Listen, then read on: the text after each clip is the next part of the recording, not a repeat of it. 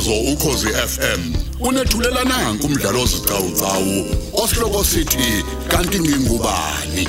Lo mdlalo ubhalwe ngusandile mbili.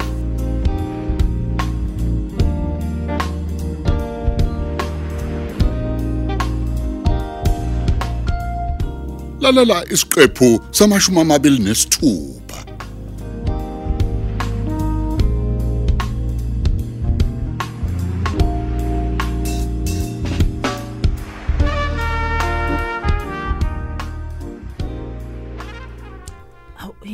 yini ke obuyisaba la Simphiwe? Utheni?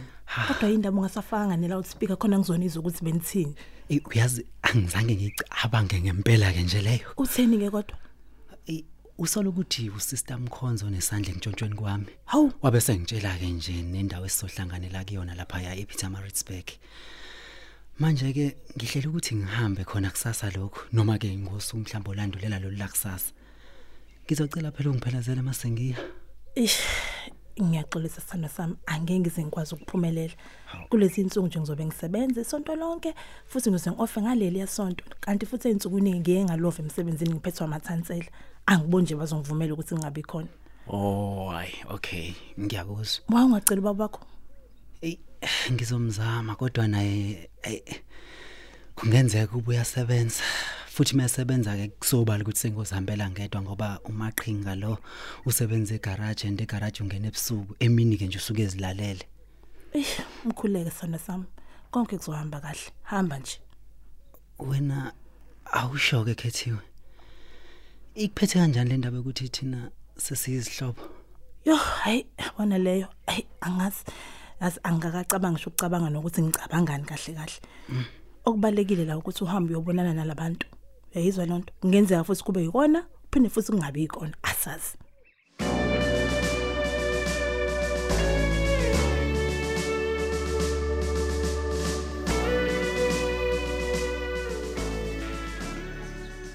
Hello ma? Surprise surprise mntanami surprise surprise. Yini ma? Kwenze njani? Wazwakala uthukile nje. Kwenzekani buya buya ngani yami buya.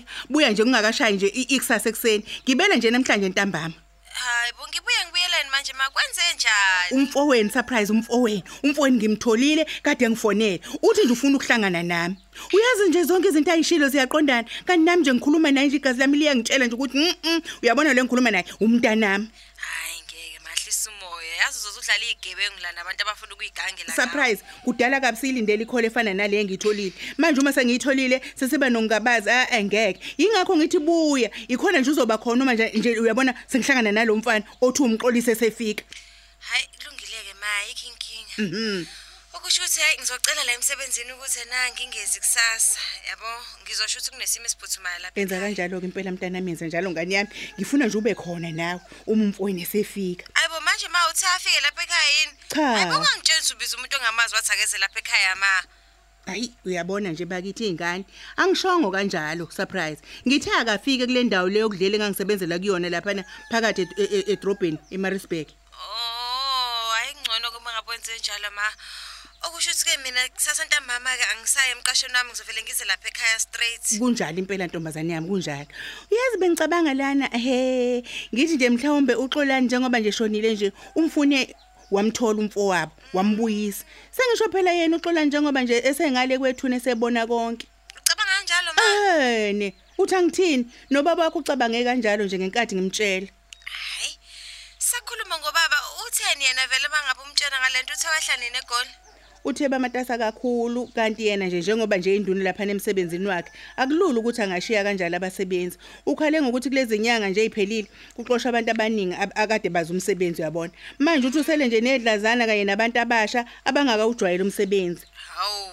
ehe Ileso nje isizathu asishile senza ukuthi angeze azobona indodana yakhe ebisilahleka iminyaka emingaka kodwa. Hayi, Akayazi awukahle. nokuyazi. hayi awukahle musa nje ukumehlulela phela ubaba wakho hayibo hawu surprise ngiyacela bandla ungamhluleli nje unxele please Hayi ngeke ma kulungile. Ukuthi nje hayi ubaba nje naye ubuyenze nje izinto ngendlela yakhe engayiqondi. Kodwa ke mayi sobonana kusasa ntambama ke mase ngifika lapha ekhaya. okay Yazi kuze cishe phela nesikhathi sami se-break class. Kade sikhuluma. hayi kulungile ke ngani yami kulungile ke nxele omuhle ngizokuphekela ukudla kwakho lokhu ya ukuthandayo Awu ngajabula kakhulu Shenge.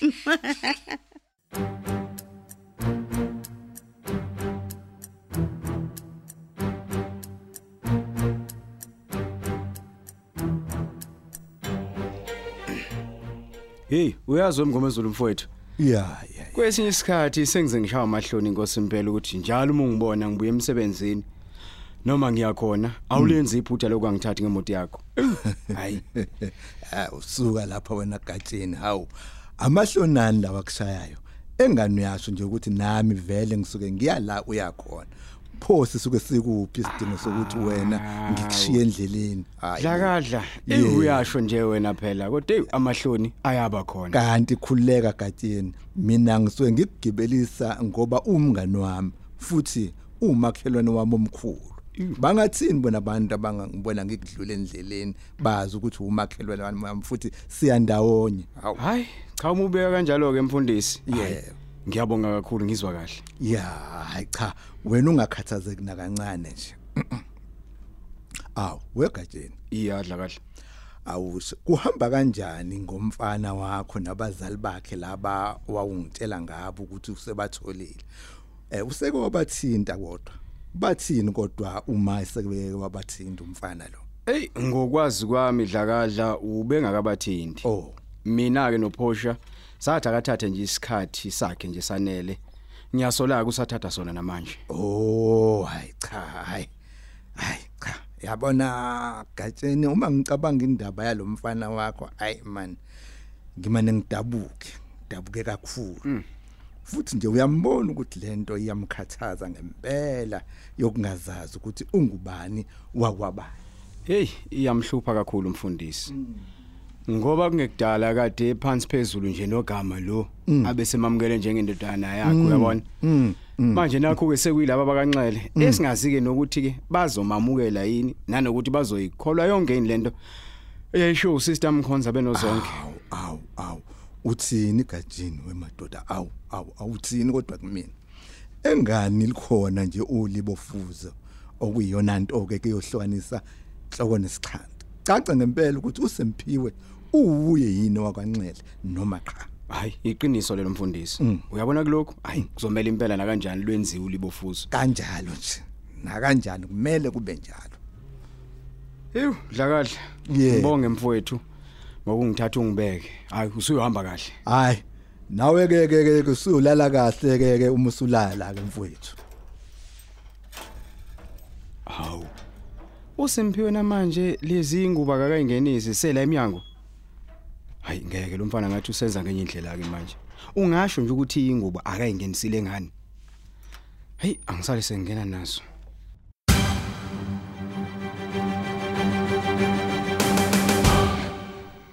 Hawu ubheke nje Simphiwe. Umatasa nje uhleli ubuka iTV. Kodwa inguba ingenisiwe eminyango. Buka sezingenwa amazolo manje. Ish baba ngikhohliwe baba ngicela ungixolele uyazi ngigcine ngithi ngizozingenisa ngizozingenisa ngavele ngalibala Ubungeke ungalibali ulibele iTV. Nale phone esesandleni sakho. Mi sithatha uyosifolda kahle uyibeke ngononini. Ngiyathemba ukuthi ungayinelile nami uniform yami yomsebenzi engizoyiqoka kusasa. yebo baba ngiyiayinile yize noma bengingazi nje ukuthi uyasebenza kusasa noma usebenzi yini Ya, ngiyasebenza kusasa. Empeleni vele bekumele ngabe angingeni. Kodwa ke ngacelwa omunye wethu esigada naye ukuthi ngimgadele kusasa khona la iphuthuma khona. Hayi nami ngabe sengivuma ke ngoba phela nami wake wangibambela uyabona. eish baba. Manje kusho ukuthi mina ngizohamba ngedwa kusasa? Uzohambe wedwa nje kusasa uyapi? oh ngigcine ngibafonelile labantu bakwanxele. Ngakhuluma naye ke uMr. Sifihliwe enxele wabe sethi asihlangane endaweni yokudlela khona lapha ya eMaritzburg kusasa ukuze angibone. Bengizitshela ukuthi mina mhlamba awusebenzi kusasa mhlambe ngenzeka ngihambe nawe Awu. Ugcina usitholile isibindi sokuthi ubafonele ndodana. yebo baba Hayi kungcono ke. Kodwa ngeshwa ke mfana wami. Angikho kusasa. Kodwa ey ngikholwa ukuthi konke kuzohamba kahle simphiwe. yebo Khona ngempela yini bethe yize mgungundlovu. Kungani ungashongo wena ukuthi abafike la ekhaya njengoba wenza kusiceba igama ngenkathi uzoqala ukuhlangana naye. Hey baba ngibone kukuhle uma sihlanganyela nje endaweni nabantu singahlanganeli emakithi ngoba okwamanje kusekhona ukungathembani ikakhulukazi nje njengoba kuyimina obafonelile khona ube nakho kungangithembi makukhulunywa amaqiniso ube ngakuthembi nje lokho bengikusho Ngiyakuzwa. Awutshela mina ke. Ukhethiwe yena uyimise kanjani indaba yakhe? Ngimazisile naye baba. Izeke nje noma yena engayizwisisi indaba yokuthi mina naye kungenzeka sibe ihlobo kodwa ke ngimazisile. Ungigqugquzelile ke bandla naye ukuthi ngiye kobabona laba bakanqele kusasa. Impeleni nje uyena futhi onginika isibindi sokuthi ngigcine ngifonile ngigcine ngiyifonelile leya namba kaMrs Sinxele Hey ndodana mina ngikujabulelayo nje ukuthi ukwazile ukuthatha igxathi lokuqala lokuthi ubafonele yabona ukhulume nabo. Ya baba hayi nami ngibonga lokho nje. Manje baba eh bengizocela ukuthi ungiphi imadlana nje kusasa yokugibela phela mase ngiyakhona lapha emgungundlovu. Hayi ngeke ibe khona inkinga ndodana ngizokunika imali. Hey ngeke sesikhulume kwenele phaka simphiwe. Hey kunwana kamnandi kilambeni. Yibo. Yini uphekeni? Ngipheka inyama inyama nje yenkomo ne rice. Ah uyalithanda irice. Hey. Yini ngempela uphutha lipheke kini? Hawu nawe baba uyazi nje ukuthi uphuthe mina libuyele ungihlule kanti kuwena umpetha wa. Hayi suka ayikho leyo nto. Hawu baba Yeah. yini manje ilandele iphepha bhuku oliphethe? Oh oh oh lo i- imagazine la eh, yemshado nginika uphosha emsebenzini. Hey. Uthe nje ake ngikhethe uhlobo lesudu yabona engakujabulela ukuyigqoka emshadweni wethu. Naye ke uzithengele wakho magazine ezobheka phela ingubo zomshado. Hayi hayi cha baba ayikusobala ukuthi lo mshado wenu impela hayi uzobuya ingqophamlando la embo. Kahle ukudlala kathi wena la Simphiwe. Hawu. Hey, msungiyanga ngendaba hamba uphaka mani ngilambile. Hawu. Uzobe usungifica ngalena ke endlini yokuphumula.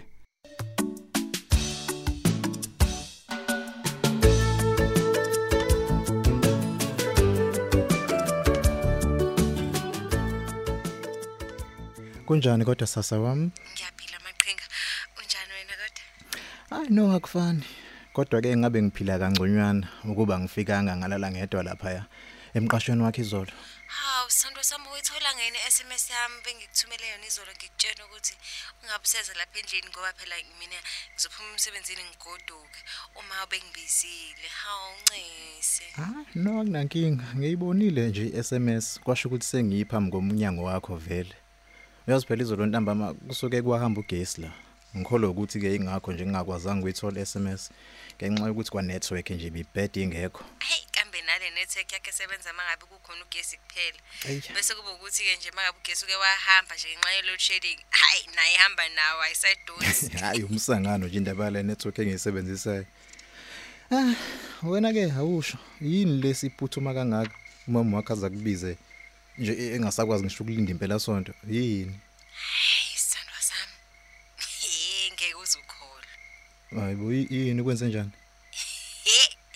Ayi futhi le angeke uzuyikhola ngempela yezo. awu themba lami phela khuluma yi- yini le ngeke ngize ngiyikhole sasa Phela izolo emini yasekuseni ngithola ucingo elivela kuma. Ya. Engitshena ukuthi umfowethu lo yiwele likaXolani lo walahleka. Umfonele lizolo efuna ukuhlangana nathi. A- hayibo wo wo surprise uqinisile Hmm, Ngiyakutshela nje sona sami. Ngikhuluma nawe nje silungisele ukuyohlangana naye ke sinoma. hayi hayi ngeke hayi surprise Ng- ng- ngiyacela nje sithando sami ningadlali nje igebengu mhlawumbe isigebengu nje lo muntu niyohlangana naye nizohlanganela laphi Hawu kodwa nje ngasigebeka ngaliphi kodwa amaqhinga ngoba phela akaze nje kuphume nanokuthi mhlambe ke ena umuntu oyothola ubhuti wami mhlambe uyothola isamba semali cha. Manje ke lo mfana ozohlangana nathi ngabe nje inhloso yakhe yini ngempela ngoba phela nje angi-understand. Ayi phela kungenzeka sithando sami ukuthi mhlawumbe yiphara nje elithile leli lingenabani manje la kunina ke selibona ukuthi selingathola umndeni lidlalele kahle. Awukhohlwa ke seka kwenzeka lokho phambilini. Sathola umuntu kanti akuyena. Hayi angiboni ukuthi nje kusangasiphinda namanje. Phela ubuye ukhumbule amaqhinga ukuthi ulibofuzo likhona ngakho-ke nje hayi angeke size sigileke futhi. Hayi no ngiyakuzwa. Ah, uyakhuluma ke manje uma ukhuluma ngolibo fuzo kodwa ke kumele nje ngempela na kanjani nenze isiqiniseko ukuthi niyalwenza. Ya vele nakanjani? Eh, oh, asime kancane ngolibo fuzo la namaphara wena ke ithemba lami ubuya nini phela?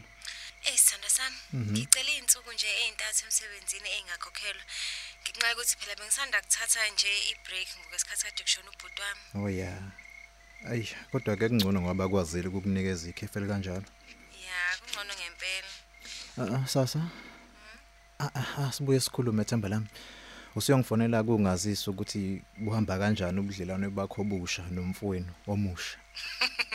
Hawu phela ngeke sefika nje ngibe ngimjwayela ngalelo langa hawu sawuthatha isikhathi. hayibo ku- kuphi khona usukhohliwe yini ukuthi wena ngikwazi ngaphakathi nengaphandle wena kukuthatha ngisho imizuzu embalwa nje ukujwayelana nomuntu kwahle nje Nawuzo vele maqhinga Awu. hawu. Alright sithanda sami bye bye. ngakulungile Sengizokhuluma nawe ntambama ke ne. Eh nakho noma ngiyambona la usegqokile uselungisela ukuthi sihambe. Hey ungambona vese sinkilo. ye ye ye Ah, no kulungile ke sithando sami